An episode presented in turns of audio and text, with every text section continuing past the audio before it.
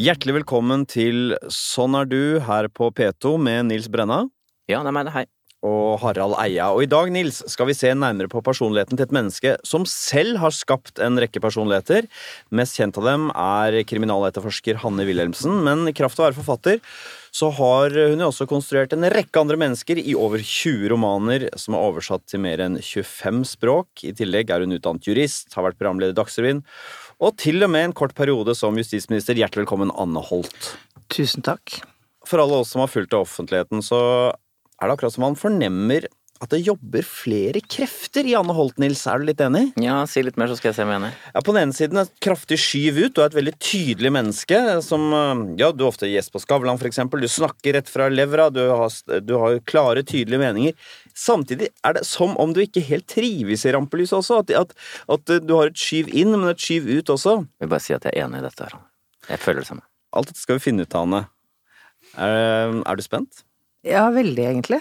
Jeg, jeg tror jeg har gjort en kjempetabbe da jeg tok den testen, fordi at det gikk så vanvittig fort. Kan jeg kommentere det? Ja. For det har jeg faktisk kikket på, og Ja. du er den av alle som har vært her som har gjort det raskest. Jeg hadde følelsen av at det kanskje hadde gått 10-12 minutter. Skal jeg si svaret? Ja. 1654, som er Ja. klart raskere enn nummer to, Anne B. Ragde. Og Siv Ja. Jensen på tredjeplass. Jeg tenkte vel egentlig at noe av poenget var å være intuitiv. Hvis jeg ikke tenker, bare svarer dum, dum, dum, dum, dum, så blir det mest riktig. Det helt, Så jeg håper det. Helt eksemplarisk, eh, det du har gjort her.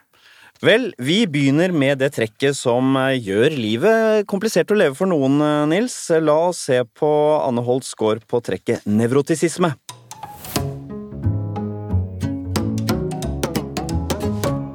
Nevrotisisme det handler jo om negative følelser. Alt som øh, skyver en unna ting, egentlig. Så er jo en slags forsvarsmekanisme her, da. Mm. Og vi begynner med den underdimensjonen under nevrotisisme som heter engstelse. Tilbøyeligheten til å oppleve uro.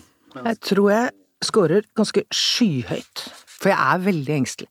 Det er faktisk helt riktig. det. Du har fått tallet 66. Minner om scoren. 50 er snitt. 60 er tydelig. 66 er 5% høyeste. Ja, nettopp. Så det er én av 20, altså. Superengstelig.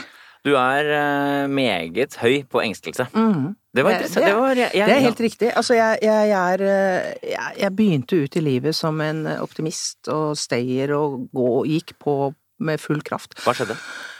Livet tok meg igjen, og så har jeg gått liksom på snørra noen ganger, eh, og blitt redd og engstelig, og så fikk jeg barn i veldig moden alder. Jeg var 44 da datteren vår ble født. Og da forandret livet mitt seg veldig. Jeg tenker alltid hva om det skjer? Og alle sier til meg ja, men det skjer jo ikke. Ja, men hva om det skjer? Hva kan det være? Nei, altså, fly. Uh, hvis hele familien skal opp i fly, så må jeg sørge for at det er ryddig hjemme, ikke sant? At, uh, at det ser ordentlig ut etter oss, for det flyet faller sikkert ned.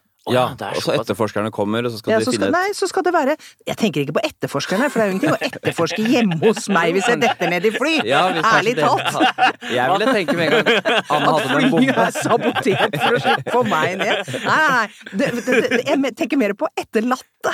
Ja. Eh, som altså etterlatte som kommer og da skal rydde opp og dele sånn, boet mellom familien og sånn. Det skal ikke behøve å rydde i tillegg. Nei, det skal ikke ligge liksom skitt, det skal ikke stå skitne kopper framme, og det- skal være ordentlig i skapene og sånn.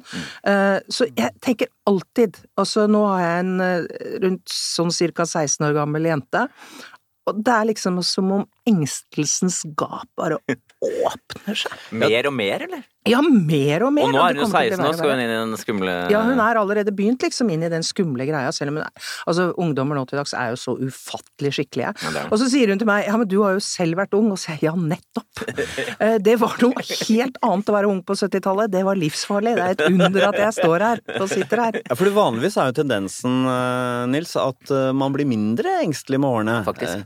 Så hva er det som har gjort de Du snakket om at du har gått på snørra noen ganger. Hva, hva er det, i den grad du kan fortelle om det, hva er det? Nei, jeg vet Altså, jeg tror nok at du var inne på det helt i begynnelsen, at det, jeg har aldri helt følt meg komfortabel med mitt på en måte offentlige jeg, for jeg har ikke kjent igjen mitt offentlige jeg, samtidig som jeg ikke på noen måte prøver å ta avstand fra det, eller, eller si at det der er ikke meg, for det er også meg, men det er en veldig liten del av meg. Og så i møte med andre, så, som jeg ikke kjenner, så det de gjør, det er at de behandler meg som om jeg er den som jeg viser utad. Hvem er det du ser når, du ser når du ser den offentlige jeg? relativt selvsikker, relativt bastant, relativt godt orientert, deltar i diskusjoner, selv om jeg gjør det mindre og mindre, fordi jeg syns det blir vanskeligere og vanskeligere. Mens det jeg jo egentlig er, er en som egentlig bare vil ha fred og ro og kose meg. Um, og jeg tror at de møtene har vært litt brutale. Uh, og så var det det å få barn, som klart gjorde meg veldig engstelig. Du sa de møtene mellom den liksom private jeg og det offentlige jeg hadde vært Mm. vanskelig noen ganger. Hvordan, kan du si noe mer om de møtene? Hvordan de var? Nei, altså jeg, jeg tror nok at uh, Altså, la oss Hvis du tar noe konkret, at jeg skal inn i en situasjon som ikke er offentlig. Et selskap, møte nye mennesker i en eller annen setting som er hyggelig og ufarlig. Men jeg har altså ikke møtt disse menneskene før. Da opplever jeg uh, veldig at de har en oppfatning av hvordan jeg er. Den oppfatningen som de har av hvordan jeg er, den er helt annerledes av hvordan jeg oppfatter at jeg er. I hvert fall er det helt annerledes enn det jeg oppfatter at jeg er, stort sett. Uh, og jeg merker at jeg da blir klønete. Eh, Ja. Veldig klønete i sånne sosiale sammenhenger. Jeg blir enten helt overdreven utagerende, eller så blir jeg veldig mutt. Ja. Og når jeg er mutt, det ser de, de som kjenner meg godt, som er veldig få, de sier at da virker jeg ekstremt arrogant. Jeg unnviker blikkontakt, jeg ser ned, jeg svarer med enstavelsesord. Og så blir jeg kjempelei meg dagen etterpå, eller jeg blir lei meg der og da, prøver å komme meg ut av det så fort jeg kan, Eh, men etterpå så kan jeg gå i dagevis og være skikkelig lei meg og, og få ordentlig angst. Selv uten at det har vært noe alkohol inne i bildet, så kan jeg være kjempelei meg over hvordan de oppfattet meg, og hvordan jeg oppfattet meg.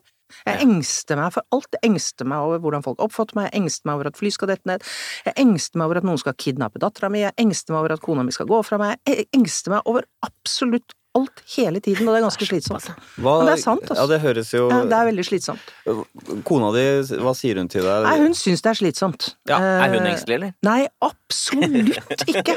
Altså, hun er min rake motsetning. Gudskjelov, holdt jeg på å si, men det er klart at det kommer noen konflikter ut av det. Hvor tålmodig er hun på din engstelse?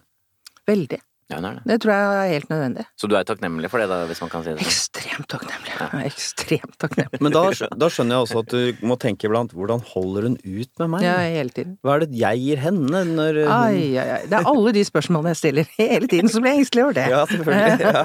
Jeg bruker mye energi på å holde min egen engstelse i sjakk, og jeg ser jo for eksempel at når du har ansvaret for et, eh, et ungt menneske som skal ut i livet, så er det mye viktigere at hun får leve livet enn at jeg ikke skal være engstelig.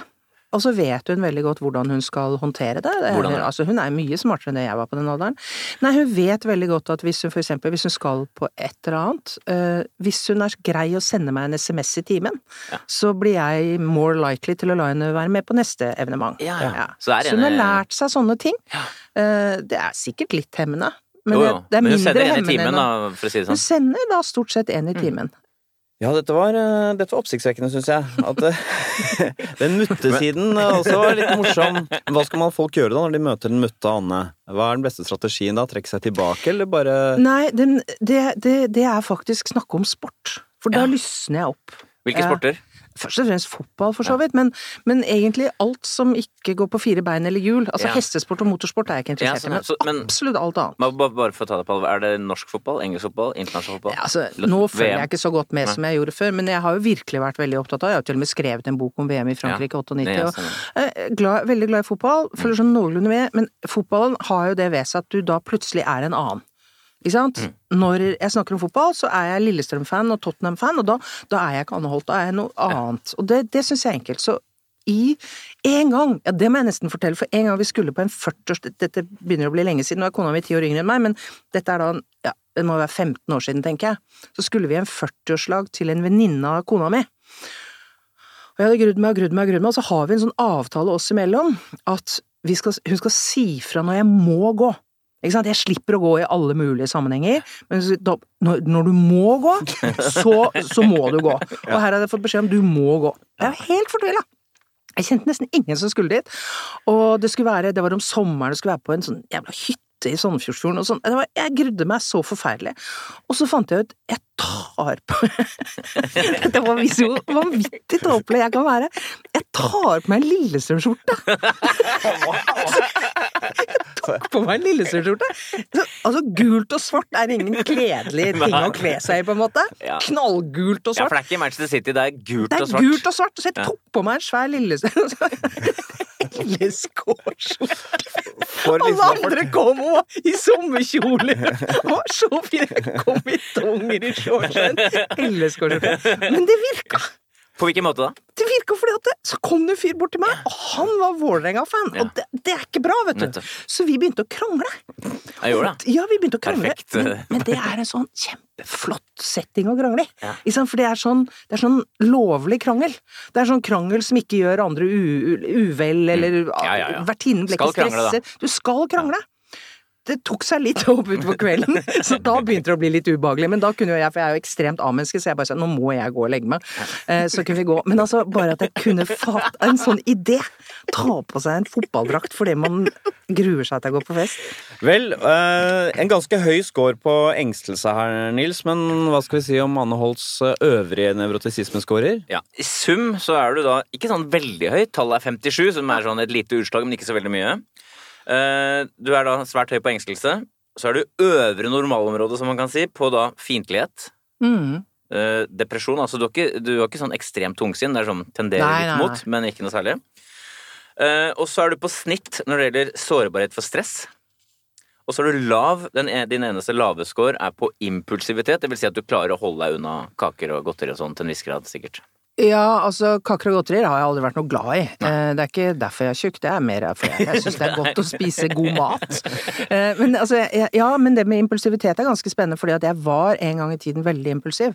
Eh, Men jeg er sånn som nesten ikke handler på impuls. Nei. Mm. Du har jo handlelapp, Eh, Ja, absolutt. Alltid handlelapp. Ja, ja. og den holder du deg til. Alltid. Så hvis du ikke står på lista, så skal du ikke ha det. Da skal jeg ikke ha det. Nei. Den siste fasetten under nevrotisisme er fiendtlighet. Der scorer du toucha høyt, ikke veldig, altså, men lite grann. Hva er det som kan gjøre deg sint og irritabel? Hva er det du, hva er det du kjenner et eller annet i offentligheten eller i privatliv hvor du kjenner at du får den tenninga igjen? Stadig mindre. Altså det Vi snakket i stad om dette med at, at liksom med alderen blir man mindre engstelig. Jeg opplever vel mer at med alderen blir jeg mye mer tålmodig. Jeg er atskillig mer tålmodig. Eller kanskje jeg er blitt åndelig latere. Eh, altså at jeg, jeg orker ikke å bli så provosert hele tiden. Sånn at jeg er mer sånn nei, det gidder jeg ikke å forholde meg til, og så går jeg videre. Men det er klart at det, det høres jo fryktelig sånn politisk korrekt ut, og jeg er litt redd for å bli oppfattet som så politisk korrekt som jeg egentlig er. Uh, jeg er jo helt ekstremt politisk korrekt. Det er derfor jeg er så populær i Sverige, vet du. De sier jo alt det de vil at man skal si. Vel, eh, da har vi kanskje fått med oss noe av den motkraften eh, jeg hadde fornemmet, Nils. Jeg tror det. I nevrotisismeskåren her, denne engstelsen. Denne bremsen, da. eh, Men hva da med gassen? Hva er det som dytter Anne Holt ut i offentligheten og det sosiale? Det skal vi nå se når vi kartlegger hennes score på trekket ekstroversjon. Ekstroversjon det er jo det som dytter oss inn i situasjoner, Nils. eh, Fordi det er et slags belønningssystem man har. ikke sant? Man får et glede og kick av eh, verden, både fra mennesker og andre fysiske ting. Mm. Og vi begynner da med denne underdimensjonen som heter sosiabilitet. I hvilken grad man søker andre selskap. Du ler. Og i, fler, og i flertall, altså i manges Ja, selskap. mange. Behovet, behovet sosialt samspill i seg selv. Og da ler du fordi Det, det tror jeg er rekordlavt. Ja, det er helt riktig, det. Det er faktisk minimumsscore på 20. Hva slags liv er det jeg har? Ja. Eh, Det er, jo, det er jo ikke et veldig sosialt liv. Men 20 Det er omtrent som jeg skulle få vite at IQ-en min var på 60. Ja, det var, det var Jeg er lav sjøl, men dette var eh, møtte jeg min overkvinne. Jeg veit jeg tror sånn som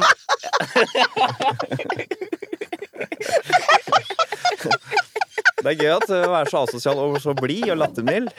Jeg var på snitt på positive følelser, faktisk. Ja, til og med det. Men hva, hva, du har jo snakket om den der angsten din, at du eh, har den, disse tankene om hva folk forventer og sånn. Men hvis du prøver å holde ut engstelsen din for å møte andre mennesker, som jo, så er det dette Det du mangler her, er jo et skyv inn. Du får lite ut av det, ifølge da vår Det er helt riktig. Jeg syns det er litt kjedelig å treffe andre mennesker. Men, men når vi treffer deg her før vi skal i opptak. Du er veldig morsom å snakke med, og det, det triller av gårde, og du er veldig responsiv, og du er veldig med og til stede. Akkurat som jeg ikke forstår at dette mennesket ikke kan være mer sosialt. Er det bare at de ikke syns det er noe gøy? Er det, eller hva? Det er, nok, det er nok veldig sammensatt. Det ene som er liksom i det, er eh, selvfølgelig litt sånn engstelse, sosial sjenanse. eh, Og en sosial sjenanse som, med all respekt for de som virkelig har, lider av sosial angst, som jo er en diagnose, så, eller noe i tilnærmet retning diagnose, så, så jeg har jeg nok noen slags form for sosial angst. Um, uh, men det er veldig forskjell på om jeg har gledet meg til noe eller ikke. Uh, og, og jeg gleder meg jo av og til til ting. Uh, jeg har gledet meg faktisk til å komme hit. Uh, som kona mi sa til meg i morges, at fader Anne, 45 minutter bare sitte og snakke om seg sjæl. Da ble jeg løftet! Dette har aldri noen vært interessert i før. Ja, hvis festene kunne være sånn, at er Anne Holt-tema. Nei, fra spøk til alvor, så jeg, jeg Selvfølgelig så har jeg jo i løpet av alle de årene jeg har vært på jorden, så har jeg jo lært meg noen spilleregler. Sånn at jeg klarer Jeg har jo ikke noe problemer med å gå inn i en sånn situasjon som dette. Eh, Men jeg må si at jeg Og jeg elsker å ha gode, få venner rundt et middagsbord. Det syns jeg er veldig, veldig koselig. Og det gjør vi ikke så rent sjelden. Hvor mange jeg- er det, hvor mange er det da omtrent rundt bordet? Nei, altså sånn maksimum åtte mennesker. Ja. Uh, inklusive kona og meg, liksom. Så seks gjester som jeg kjenner godt. Det er noe av det hyggeligste jeg vet. Men blir det noe mer enn det, og blir det noe sånn i det som kommer at jeg ikke kjenner dem, eller, ikke er, eller er litt usikre på dem Jeg er veldig usikker på andre mennesker. Da får jeg helt sånn Da vil jeg ikke. Der vil ikke, vil ikke, vil ikke. Ja, tenk, du tenker at du trekker inn den sosiale angsten her, men det er vel også det at du får litt lite ut av det. Eh, Ja, jeg syns det er litt kjedelig. Veldig vanskelig å få folk til å forstå det. Som nettopp ikke kjenner meg. Så jeg skal, når dette her blir offentlig, så skal jeg sende en sånn spesial særutgave, holdt jeg på å si, sånn særtrykk av dette til mine forlagsvenner, fordi at jeg, jeg merker på dem at de forstår meg ikke når jeg sier det at nå har jeg gjort et stort intervju. Jeg, jeg klarer ikke å gjøre flere, jeg, jeg bare klarer det ikke. Altså, ja, men se her, sier liksom disse PR-ansvarlige, og jobba som bare juling, ikke sant. Ja, men se, jeg har fått Så jeg, jeg, jeg, bare klar- jeg klarer det ikke. Jeg klarer det ikke. Jeg bryter sammen. Jeg klarer det ikke. Jeg tror PR-folk er blant de dårligste til å forstå det, for de er nesten alltid utadvendte Ja. folk som syns det er moro, og ting skjer. Ja, uh, selvfølgelig. Ja, ja, ja, På kick av å være Det, det var veldig morsomt, for da, da det ble kjent at kona mi skulle bytte forlag, altså hun gikk jo fra en stilling i et forlag over til en toppstilling i et annet, og så da skjønte folk at nå skulle kanskje jeg også skifte forlag. Så fikk jeg forbausende nok masse henvendelser fra norske forlag. Og du må komme til oss, og det blir kjempegøy og alt sånt noe. Og nesten alle sammen inneholdt her er det så mye energi! Og jeg ble bare helt vettskremt! Og så var det én person da som bare skrev sånn 'Kjære Anne Holt'. Ikke noe sånn her 'hei sann sveis sann, 'hei Anne' og masse smileys og sånn. Det var bare sånn 'Kjære Anne Holt, vi jobber veldig seriøst. Nå skal du høre hva vi planlegger med vår redaksjon når det gjelder kriminallitteratur'. Tu, tu, tu, tu. Jeg tenkte 'dit går jeg'. Det var Gyllendal. Nettopp, ja. Men å prøve å lokke meg med energi Altså, sånn som da, da Petter Stordalen starta dette nye, nye Så fikk jeg spørsmål skal du dit. Altså, først må jeg si at jeg har aldri blitt spurt om å komme dit, det er det ene. Men jeg hadde jo fått fullst Jeg kunne jo like godt skyte meg i begge kneskålene som å dra et sted. Altså Bare å se Petter Stordalen Altså, han er jo dritflink, åpenbart. Veldig. Kjempeflink fyr, og fått til utrolig mye. Jeg blir redd bare av å se ham på TV. Bare TV! Tenk å se ham i virkeligheten. Da har vi fastslått at eh, du er ikke utpreget eh, sosial av deg, men uh, ekstroversjon handler om mer om det å like å treffe andre mennesker. Det handler også om denne underdimensjonen, selvmarkering. Altså hvor tydelig du er til stede når du først er i en sosial sammenheng. Hvor mye plass du tar. Hvis jeg er et sted hvor jeg føler meg trygg, så dessverre, jeg tar fryktelig mye plass. Det, det tror jeg at jeg gjør, og det vil jeg tro at en sånn undersøkelse avslørte. Ja da. Men, ja. 62 tydelig høyt. Ja, så du er høy på selvmarkering. Ja. Og det er sånn Ja, altså, men det, jeg- det jeg vet at det er det. Og jeg, jeg, jeg, ikke sant? Sånn som um, Forleden så ble jeg konfrontert med en påstand om at det verste Norge, nordmenn visste, var, var folk som avbrøt hele tiden.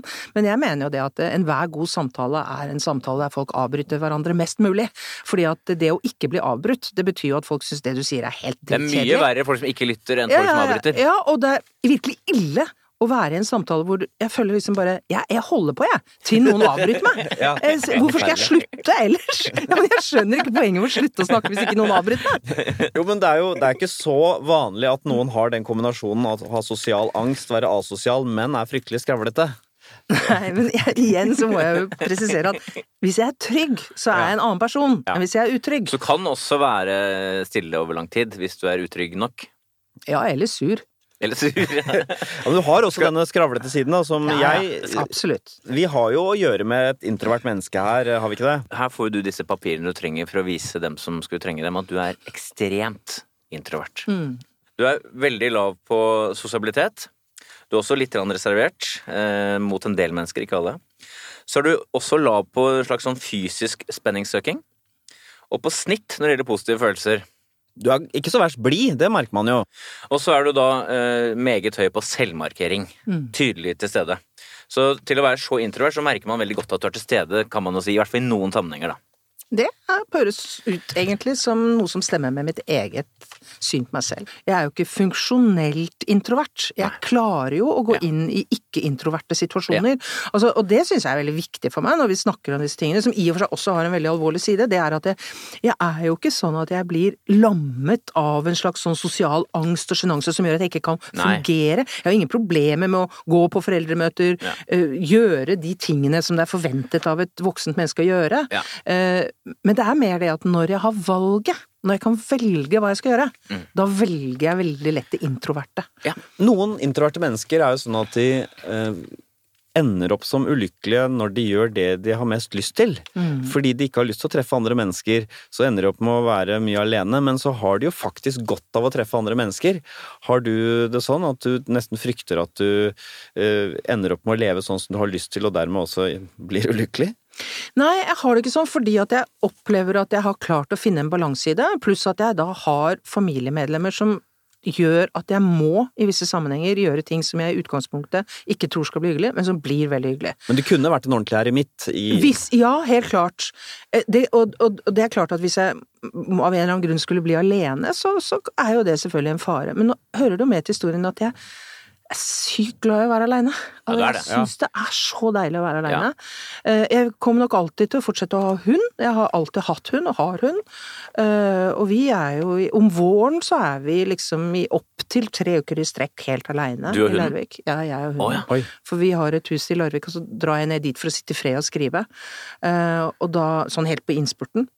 Og da er jeg sammen med den bikkja 24 timer i døgnet, ah. og går turer. Det er det liksom jeg gjør ved siden av å jobbe, det er å gå turer. Og, det, og jeg jeg- Altså, til slutt så savner jeg familien for mye, så da må jeg hjem.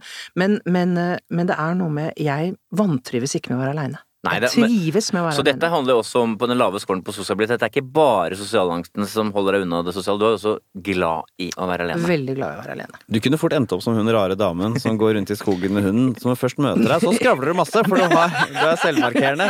Og så Endt opp! Jeg har endt opp! Jeg har endt opp som hun rare damen som går rundt i skogen. Men Anne, du er først og fremst en forfatter, en som lever av å tenke og skrive, og derfor er det spennende nå, Nils, å se på hva som er din score på neste personlighetsdimensjon, Anne. Åpenhet for erfaringer. Du hører på Sånn er du på NRK P2. Dagens gjest er forfatter Anne Holt. Åpenhet for erfaringer, det handler om nysgjerrighet på nye erfaringer. Det handler om eh, hvor lyst man er på kunnskap, men også fantasi, og i hvilken grad man søker nye opplevelser. Men vi begynner med fantasi. Det er jo en forestillingsevne. Skårer du lavt, så er du litt sånn konkret og rasjonell. eh, driver ikke med dagdrømmeri og fantasileker. Skårer du høyt, så har du en levende fantasi, da. Um, dagdrømmer om ting, eh, skaper en interessant indre verden. Hvordan ligger du an her?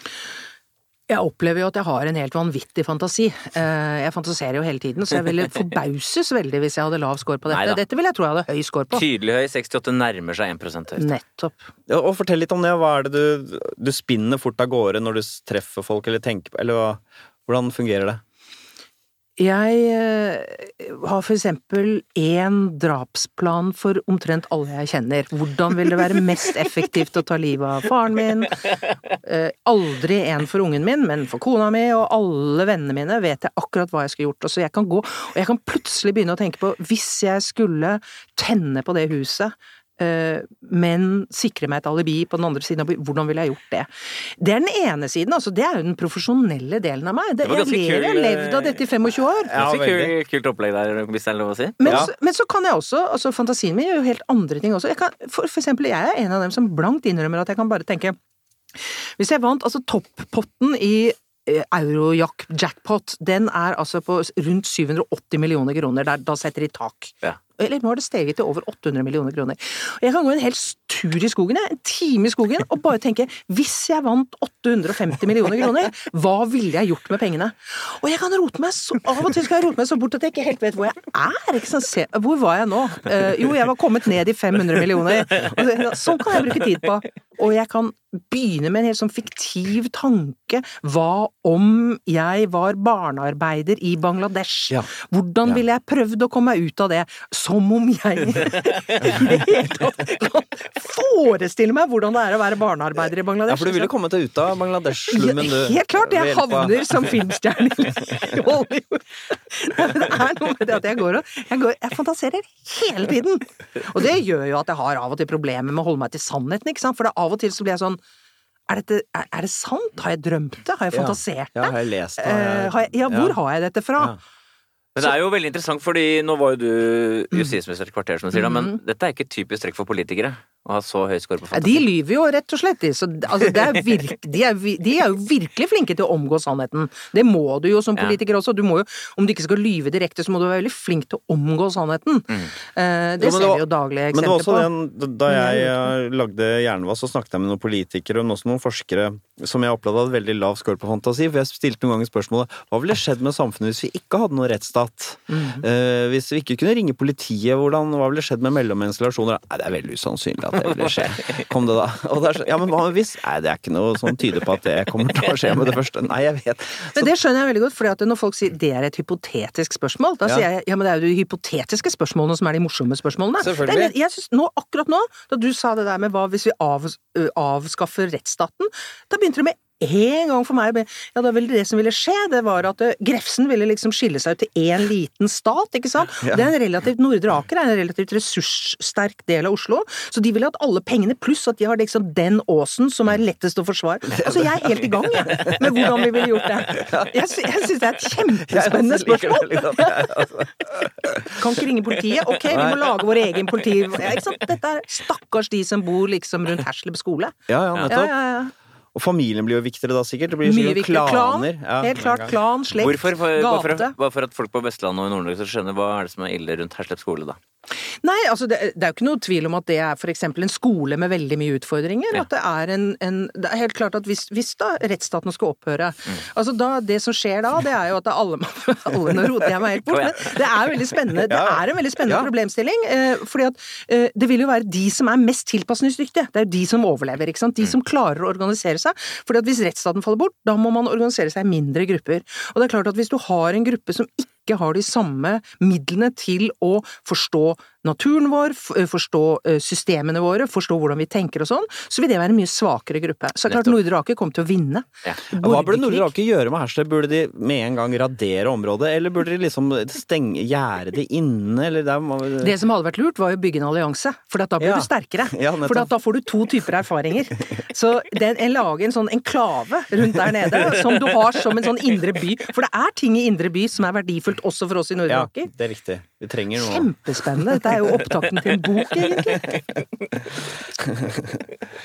Uh, nei, Jeg spurte om det var negativt, for jeg har også tenkt mye på det å vinne penger. skjønner du, og Da tenker jeg alltid at jeg skal opprette et institutt med veldig flinke folk rundt meg, toppforskere og sånn. Men etter hvert så blir jeg bekymret for at de kommer til å behandle meg som en sånn Jeg er pengekilden, så det er bare ja-folk som er rundt meg. Hvordan skal jeg motarbeide det igjen? Så jeg, jeg roter meg ofte opp i veldig sånn kompliserte konstruksjoner, men du er bare på ja.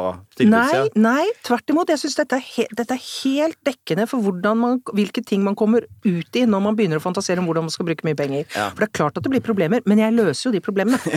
Jeg løser jo de problemene. pott ja. Nei, det der, akkurat det du peker på nå, for eksempel, det lar seg veldig godt løse at du finner en person som du vet er en nei-person, som du vet står opp mot deg. Det må jeg ha. Så, jo, og så sier du til han eller henne du må skaffe meg noen som kan være motstand mot meg. Ikke sant? Så Ja. har du problemet. Ja. Selv om det er irriterende med de motstanderne også, så det er kanskje svakheten i meg selv vil gjøre at jeg kutter dem ut etter hvert.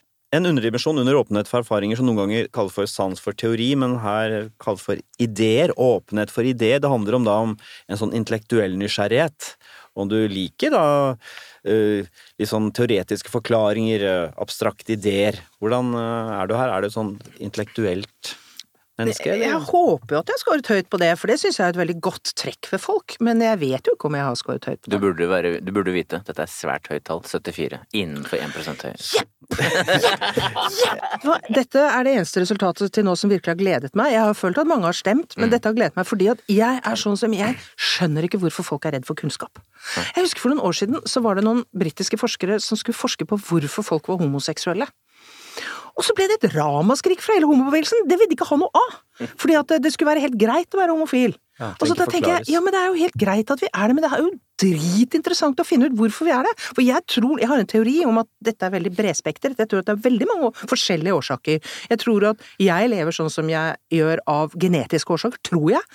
Mens kona mi lever ut ifra helt andre, mer sosiale forhold. Sånn. Jeg syns det har vært kjempespennende å finne ut. Jeg syns på en måte at vi kan ikke få nok kunnskap, tenker. Kunnskap er aldri farlig. Kunnskap er aldri farlig, det er hvordan vi bruker det som er farlig. Hva tenker du eksempel om innvandringsdebatten? Der er ofte er det en sånn diskusjon. Ja, ja. Bør vi vite hvor mange og alt sånt nå. Den type ting. Ja, ja. Hvor mange somaliske kvinner er det som jobber så videre? Som, må vi fokusere på det? Kan vi ikke Hva tenker du om det? Jeg er helt uenig i den underlige motstanden mot den slags. Altså, jeg er jo as innvandringsvennlig som det går an å bli. Eh, Men jeg syns ikke det gjør noen ting å få de tallene på bordet. Men det forutsetter selvfølgelig for det første at tallene er riktige. Eh, Det forutsetter at eh, forarbeidet er grundig, sånn at de blir riktige. Og så forutsetter det at de kan settes sammen med riktige tall fra oss andre.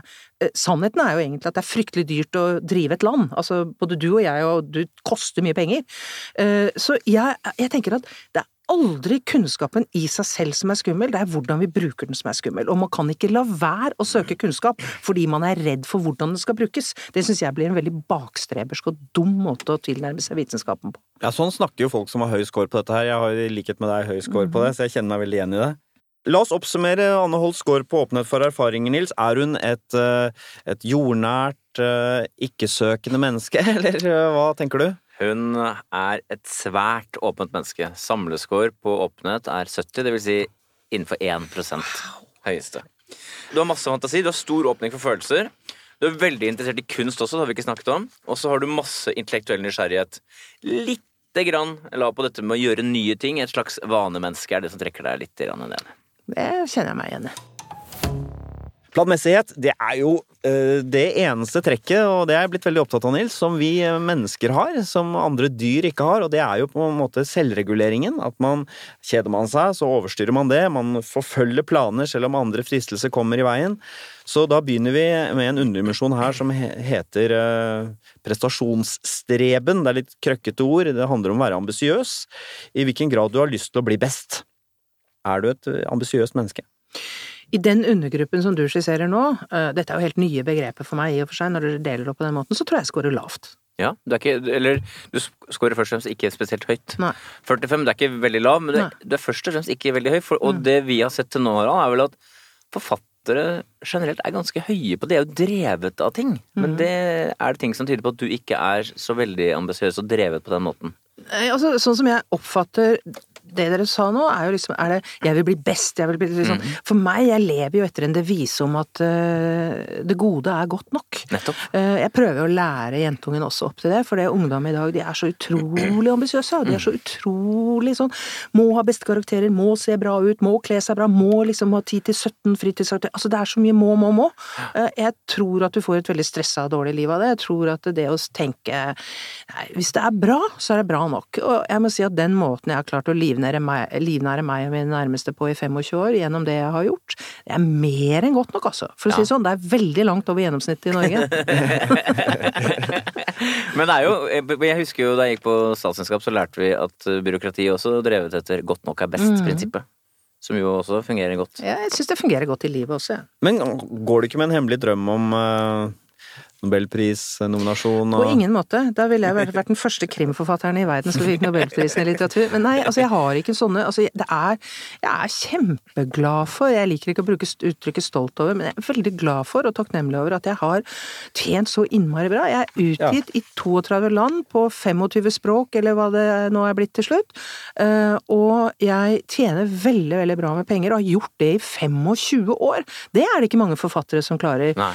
Har ingen drømmer om noe annet enn å fortsette å få lov til å gjøre det jeg liker best, nemlig å fantasere og ljuge og lage historier. Det har jeg jo scora høyt på her. Ja. Eh, og så tjene godt med penger, sånn at jeg kan gjøre det jeg har lyst til ellers. All den tid du har så høy fantasi, så skulle jeg nettopp tro at du går og fantaserer også om å Oversatt til 25 språk er bra, det hva med 50, hva med 100, hva med Nei, altså Det begynner å bli en grense for hvor mange språk som finnes som gir ut kriminalromaner fra Norge.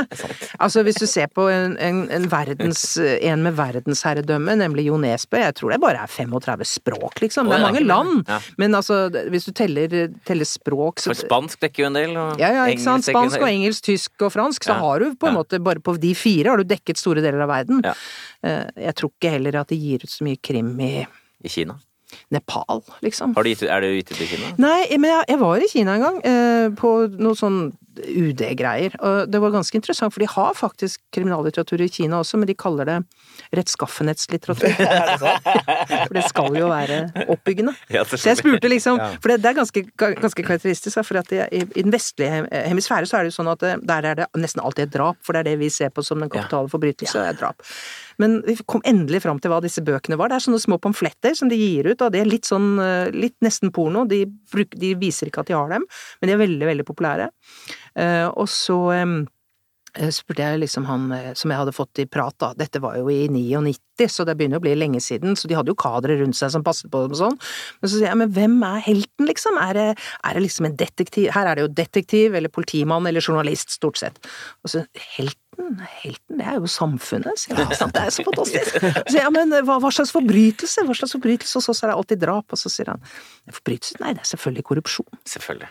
Å ja. Så det at sånn sett så Ja. avspeiler kriminallitteratur avspeiler på en måte et samfunn på en helt sånn fantastisk måte. Og i Japan, der jeg faktisk er gitt ut, eh, og har solgt mye bøker, der er jo stort sett alt sammen som skrives at De er veldig opptatt av amerikansk krim, de kjøper mest amerikansk krim, og sikkert, helt sikkert Jo Nesbø. Eh, Men de er veldig opptatt av seksualforbrytelser. For Japan er veldig sånn seksualisert samfunn, så det er sex og penger handler deres bøker om. Det er morsomt. Ja, Ja, det er veldig interessant. interessant. Det er interessant. Hvordan har Anne Holt fått til så mye når hun scorer så lavt på ambisiøsitet, Nils? Hva gjelder hvordan ligger han på de andre scorene på planmessighet? Ja, altså I sum så er det tross alt meget planmessig. Tallet er 62. Mm. Svært høy selvdisiplin, mye orden, god selvtillit, høy på betenksomhet, det vil si at du, du tenker deg nøye om, du er grundig. Uh, og så er det bare det at du ikke er så veldig ambisiøs som trekker litt ned, men i sum så er du et planmessig menneske. Mm. Si litt om selvdisiplinen, fordi dette er jo trekk som gjør at når du sitter og gjør et eller annet, jobber, og det er ganske kjedelig og trått, så bare står du i det? Er det sånn Ja, det er akkurat sånn det er. For det at du får ikke gjort noe. Eh, Den boka jeg kom ut med i år, det er min 23. bok på 25 år. Du klarer ikke det uten at du gidder å jobbe når det blir veldig kjedelig. Og det å være forfatter er, i likhet med nesten alle andre jobber, i perioder fryktelig kjedelig. I perioder så er det fryktelig hardt. Altså du må jobbe veldig mye og veldig lenge. Det er derfor du får betalt for Det er jobber. derfor du får betalt for jobber, men som forfatter så er man jo da superprivilegert når man faktisk vet at man også får betalt for det. Det er veldig mange som sitter og skriver uten å få betalt for det, Eh, og som skriver mye bedre bøker enn det jeg gjør. Men nå er jo markedet sånn at de vil heller ha sånne som jeg skriver. Vi har vel løst da gåten, Nils. Eh, Hvordan har Anne Holt fått til så mye? Meget systematisk, meget planmessig. Ikke sant. I tillegg til stor åpenhet, kan vi kanskje legge til der, eller? Ja, det er sant. Du hører på Sånn er du på NRK P2. Dagens gjest er forfatter Anne Holt. Medmenneskelighet det høres ut som en vurdering av den moralske verdien, at du er et godt eller dårlig menneske, men det handler mer om om du er et samarbeidsmenneske, at du møter folk med åpne armer, eller møter folk med litt piggene ute. Det blir oppstå med friksjon. Og Vi begynner da med dette trekket føyelighet. Hva skjer når du øh, møter et menneske og det oppstår en eh, konflikt? Er du da defensiv, trekker deg tilbake, eller er du konfronterende i konflikt med andre mennesker? Ja, det vil jeg jo si kommer veldig an på situasjonen. Eh, I noen situasjoner så vil jeg være veldig konfronterende. I andre situasjoner så skjønner jeg at det er veldig, veldig dumt, selv om jeg har lyst til det. Så jeg aner ikke hvordan jeg har scoret på dette. Du scorer nokså lavt, 39, Som betyr som betyr at du er heller mot konfronterende. I stedet for å trekke det unna. Når det Ja, det stemmer nok. Det stemmer nok. Ja, det stemmer nok. Kan man si at du er en slags kranglefant, eller? Er det å ta i? Eh, Nå, this day and age, så er det nok å ta i, men jeg har vært en skikkelig kranglefant i mitt liv. Eh, Og jeg kan fortsatt være det. De som er høye på dette trekket, Mm. de syns ofte det kan være litt ubehagelig når det er litt sånn konfrontering. Jeg opplever aldri ubehag ved konfrontasjon. Det var det jeg skulle Jeg, frem til. jeg til. synes rett og slett Og det er sånn som jeg ikke kan forstå. At folk sier det er ubehagelig å konfrontere folk! Hva er ubehagelig med det? Det er bare, jeg sier jo bare hva jeg mener. Det ubehagelige er jo at du, det, det skaper problemer, og noen blir lei seg, og Ja, men det er, det er jo ubehagelig at noen og... blir lei seg, men jeg kan ikke forstå at de skal bli lei seg i en diskusjon. Bli lei seg er jo hvis jeg sårer dem. Det har jeg ikke noe lyst til å gjøre, men hvis vi, hvis vi diskuterer et eller annet Men kan du, du kan merke at noen er konfliktsky, kan du ikke det?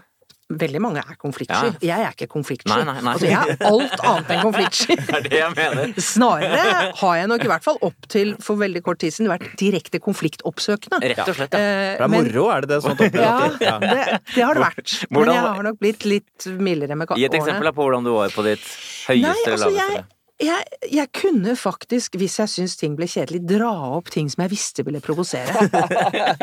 Jeg synes for eksempel i, altså, hvis, du snakker, hvis du går tilbake til 80-tallet, da, hvor jeg var liksom mest sånn utadvendt og, og fortsatt liksom en som deltok veldig sosialt sånn, så for eksempel hvis det ble litt kjedelig, så kunne man si det Jeg syns at eh, vi bør oppheve markagrensa. Da, da, det, da, det ble med en gang veldig liksom, Sånne ting. Ja. Det er klart at når du gjør sånt, så er det fordi at du ute etter konflikten. Ja. Det er jo ingen andre som er interessert i å diskutere det før jeg dro det opp. Men det som er interessant, er jo at du har jo høy åpenhet for følelser også. Det betyr jo at du har antageligvis en brukbar sensitivitet på å oppfatte andre, om andre syns det er ubehagelig. Ja, men det som er allikevel ja. Det som er kjedelig, er at jeg gjør det etterpå, ikke sant. Ja. Eh, og der er du litt inne på det der med å såre noen og sånn. Det er klart at det etter en del konfrontasjoner så kan jeg tenke uff, var dette nødvendig, og kanskje han ble lei seg, og, eh, og, og, og mine nærmeste skal si, vet du hva, nå gjorde du han lei deg. Ah, Altså lei seg. Lei meg også, for så vidt, men, eh, men han ble lei seg. Og da kan jeg kjenne at uff, det var dumt. Men da jeg er jeg jo ganske flink til å be om unnskyldning. Mm. Hvis jeg mener det. Men bare hvis jeg mener det. Ja. Jeg er knallhard på å ikke be om unnskyldning hvis det bare skal være for å få fred. Det gjør jeg aldri. Jeg har aldri gjort i hele mitt liv bedt om unnskyldning bare for å få fred. Men hvis jeg ser at Men det syns jeg er så fake. ja, men det er jo fake. Men noen mener at fake funker, da. Ja, Er det ordet jeg har sagt uh, oftere enn noen andre ord, så er det unnskyld, uten å mene det skikkelig. Ja, du har det. Ja, ja. Lire av meg noe sånn derre Sorry. Unnskyld, da. Når du har såpass fart inn i konflikter, har du endt opp med å få noen uvenner? Ja, det har jeg. Så du har uvenner fortsatt. Eh, Ja, altså, jeg har den greia i meg at jeg, jeg er nok litt for flink til å brenne broer. Jeg blir litt sånn når jeg har hatt en sånn type konflikt, og jeg opplever, og sikkert med urette, opplever at jeg har på en måte gjort det jeg kan for å reparere ting etterpå, så tenker jeg shit, la gå. Og bare ut, vekk, glem det. Og det er, det er et tap. For, det, for på det så har jeg for det første mistet noen venner. Eh, og så har jeg selvfølgelig lagt meg til uvenner. Men det er så lenge siden nå at jeg vet ikke om det er riktig å kalle dem uvenner lenger. Okay, skjønner. Liker du litt den kranglete siden ved deg også, hvis du skjønner? Ja, ja, den kan være underholdende. Og Ja. ikke bare for meg, jeg tror andre kan finne den underholdende òg. Ja, Så det er litt sånn du, du liker den litt òg. Det jeg liker, det er at når jeg sier noe til noen, så vet alle at jeg mener det. Ja. At hvis jeg sier unnskyld, så vet jeg at jeg mener unnskyld. Jeg, jeg innser at jeg har oppført meg dårlig, jeg innser at jeg har gjort noe dumt. Mm. Hvis jeg sier noe pent til noen, så er det fordi jeg syns det. Ja. Det liker jeg. Men jeg liker jo ikke konsekvensen av å være så outspoken, for det gjør at det blir vanskeligere å omgås andre Er, er kona di eh, Åh, hun? er som smør, vet du. Hun, hun er er, så føyelig, flink da. til å omgås folk. Men hun er føyelig også, eller? Føyelig som får unntatt ikke føyelig for Nei, meg. nei, men ellers? Hun lager ikke, går ikke rundt og lager Nei, altså, friksjon? Nei, nå er hun toppsjef, og de må jo ha noen sånne strategier. Mm, ja. Og hvordan hun er liksom i jobben, det vet jo ikke jeg, for jeg ser henne ikke der. Men, men eh, hun har nok eh, Hun har rett og slett større kunnskap om mennesker enn meg, sånn at hun er mye flinkere til å se Hun er jo sånn som hele tiden sier 'men hva slags resultat er du ute etter, Anne?' sier hun, ikke sant, jeg er så sint og sier 'nå skal jeg ta deg med deg! Så sier hun 'men hva er du ute etter, hva slags mål du ønsker å oppnå'? Og så sier jeg 'jo, jeg vil oppnå det at' Og så, sånn, og så sier hun 'ja, men da kan du ikke bare gå og være sinna, for det, det, eneste du oppnår da, er jo at han også blir sinna'.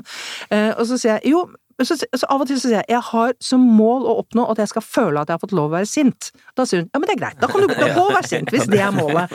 Mens hun skal jo hele tiden oppnå noe, eh, et resultat. Ja. Og da, hun har jo den holdningen at du, du oppnår nesten ingenting ved å være sint. Heller tape diskusjonen og nå Ja. det målet du skal. ja. Ja.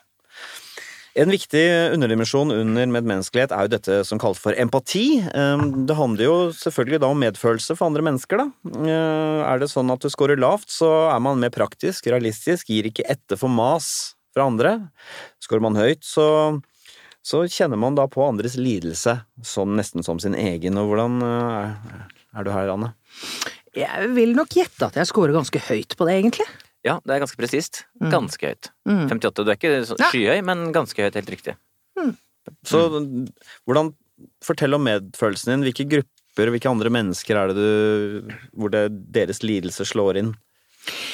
Jeg syns jo det blir litt stort å bruke ordet lidelser, men altså jeg, jeg, jeg, jeg har Jeg tror faktisk, for å være ærlig, at det henger sammen med fantasi.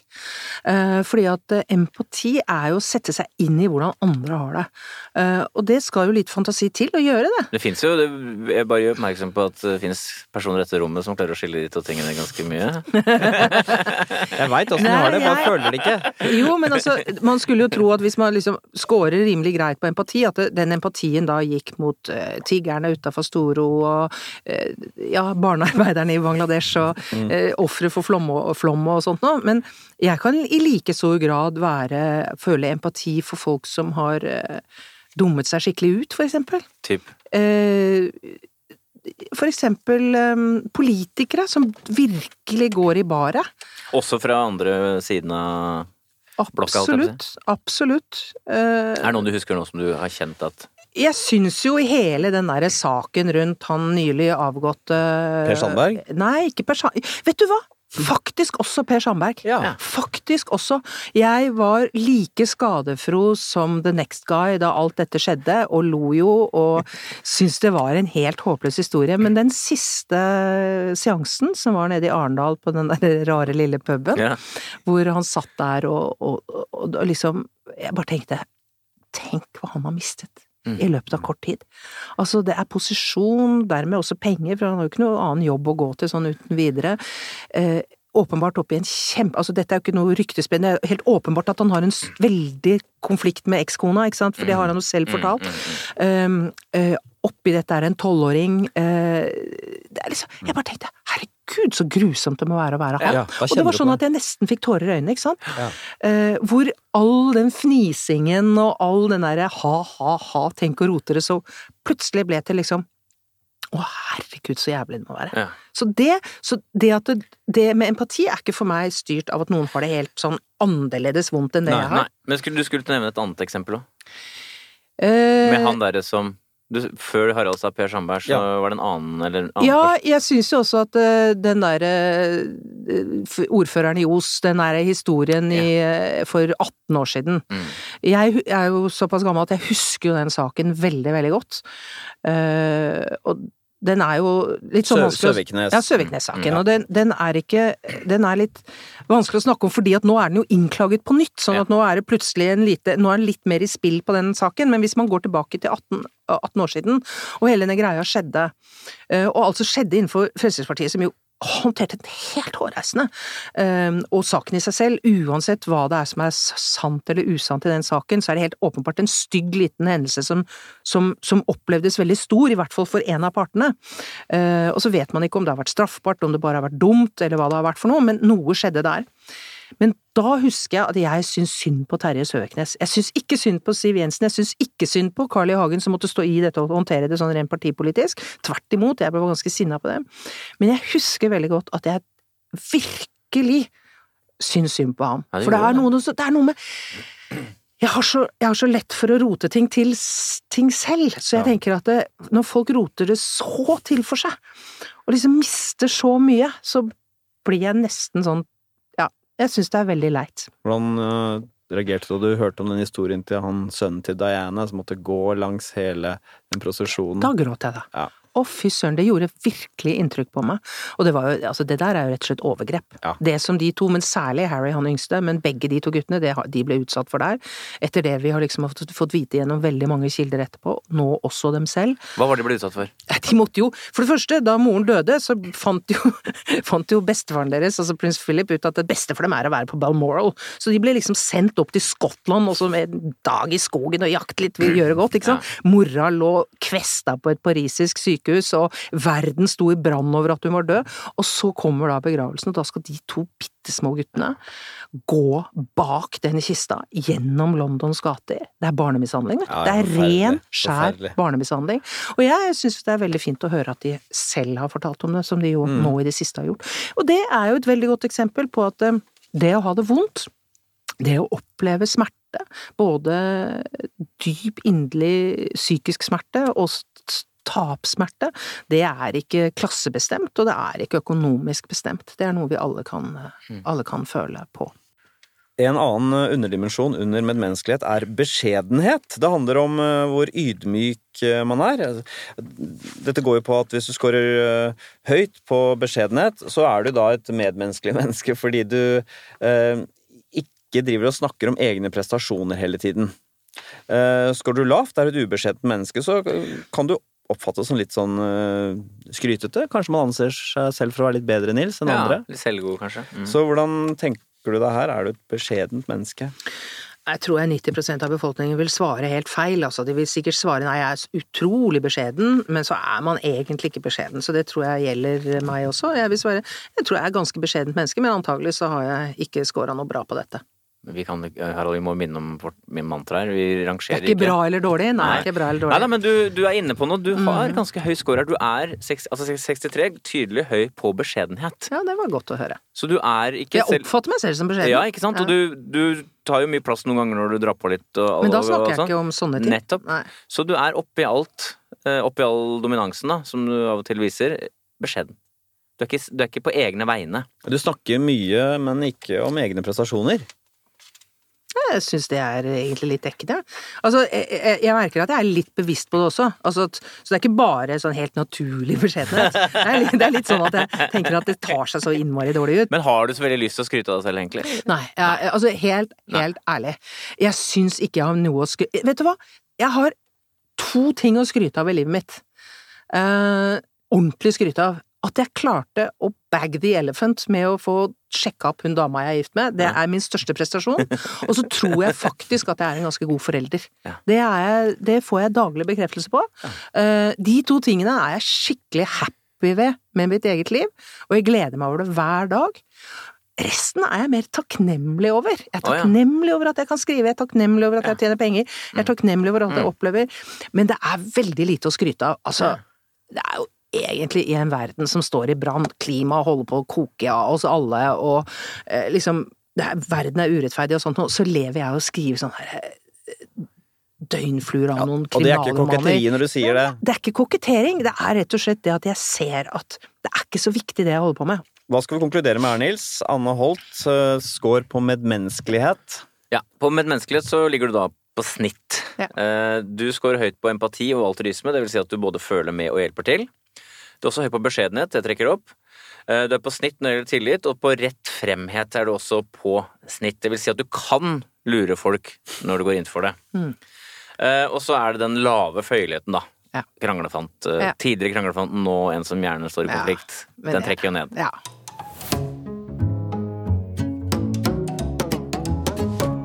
Vi har sett på fem faktorer og noen underdimensjoner her, og det er noen tydelige mønstre her, Nils. Du er da mm, engstelig, men samtidig er du også ganske dominerende og har et stort hjerte, så du er en slags sånn bulldoser som hjelper andre uten å fremheve seg selv. Det høres litt komplisert ut. Men, eh, og at du er eh, Det som har vært interessant for meg, er å se hvor um, nyansert og skjør du selv er. At eh, jeg har på en måte lest deg litt sånn som du eh, er blitt lest ifølge deg selv av andre mennesker. At du har en sånn du er en sånn røff type som breier deg ganske godt og slår i alle retninger, men at du er mye mer sensibel, da. Mm. Det, eh, hovedinntrykket som må justeres, er jo mye mindre robust enn det man skulle tro. og mye mindre arrogant enn det man skulle tro. Ja, ja, altså for mange, mange år siden så var det en venn av meg som karakteriserte meg på følgende måte. Hun er et barskt persilleblad. Nettopp. Og det syns jeg var treffende da, og det er jo i grunnen det dere har funnet ut Mm. også. Er det noe du vil forandre på dette, i denne fine buketten? Eh, Det ga meg i hvert fall veldig mye å tenke på. Jeg skulle jo ønske at jeg ble mindre engstelig. Jeg skulle virkelig, altså Engstelig er det som plager meg mest. Altså Av alle de karaktertrekkene, personlighetstrekkene vi har gått igjennom, så må jeg si at det som plager meg aller mest, det er det at jeg er så bekymret bestandig. Ja. Så, selv om, Også, så- selv om du Hvis du måtte velge mellom å ta ned angsten eller opp føyeligheten Du ville heller vært Mm. Kranglete og og Ja, ja. engstelig, selv om Altså, Thorvald Stoltenberg mener at det er jeg er helt greit. Nettopp. Altså, jeg syns det er litt gøy å krangle. Men, men det er ikke gøy å være engstelig. Det er det ikke. Det er tvert imot kan være veldig plagsomt. Så det skulle jeg absolutt ønske jeg fikk ned. Um, utover det så tenker jeg at uh, jeg, jeg skulle ønske jeg var litt mer ekstrovert. Altså, jeg, jeg må si at å ligge på en sånn sykelig nedre enprosenter på intro Jeg visste jo, jeg var helt sikker på altså det hadde vært noe galt med denne testen hvis jeg ikke hadde scoret veldig lavt på det der greiene der, eller høyt på det å være introvert, hvis du kan si det sånn. Ja. Da ville det vært noe galt med testen, for jeg Ja. vet at jeg er ekstremt introvert. Men du er en klassisk westernhelt, tenker jeg. Du er en sånn eh, du- Så deilig. Med hvit var Ja, isolert, går sine egne veier, men eh, lojal, kriger hvis det trengs, og sterk rettferdighetssans. Nettopp. Er sant, er Ja, da vil jeg ikke forandre noen ting. Hvis jeg kan få lov å være John Wayne, så er det nok Men litt for meg. nervøs. Altså. Morgan Kane var ganske nervøs Ja, altså. Du, takk for at vi ble kjent med deg, Anholt. Det har vært en veldig glede. Åh, det har vært slitsomt og veldig morsomt å være her. Takk skal dere ha. Takk skal du ha.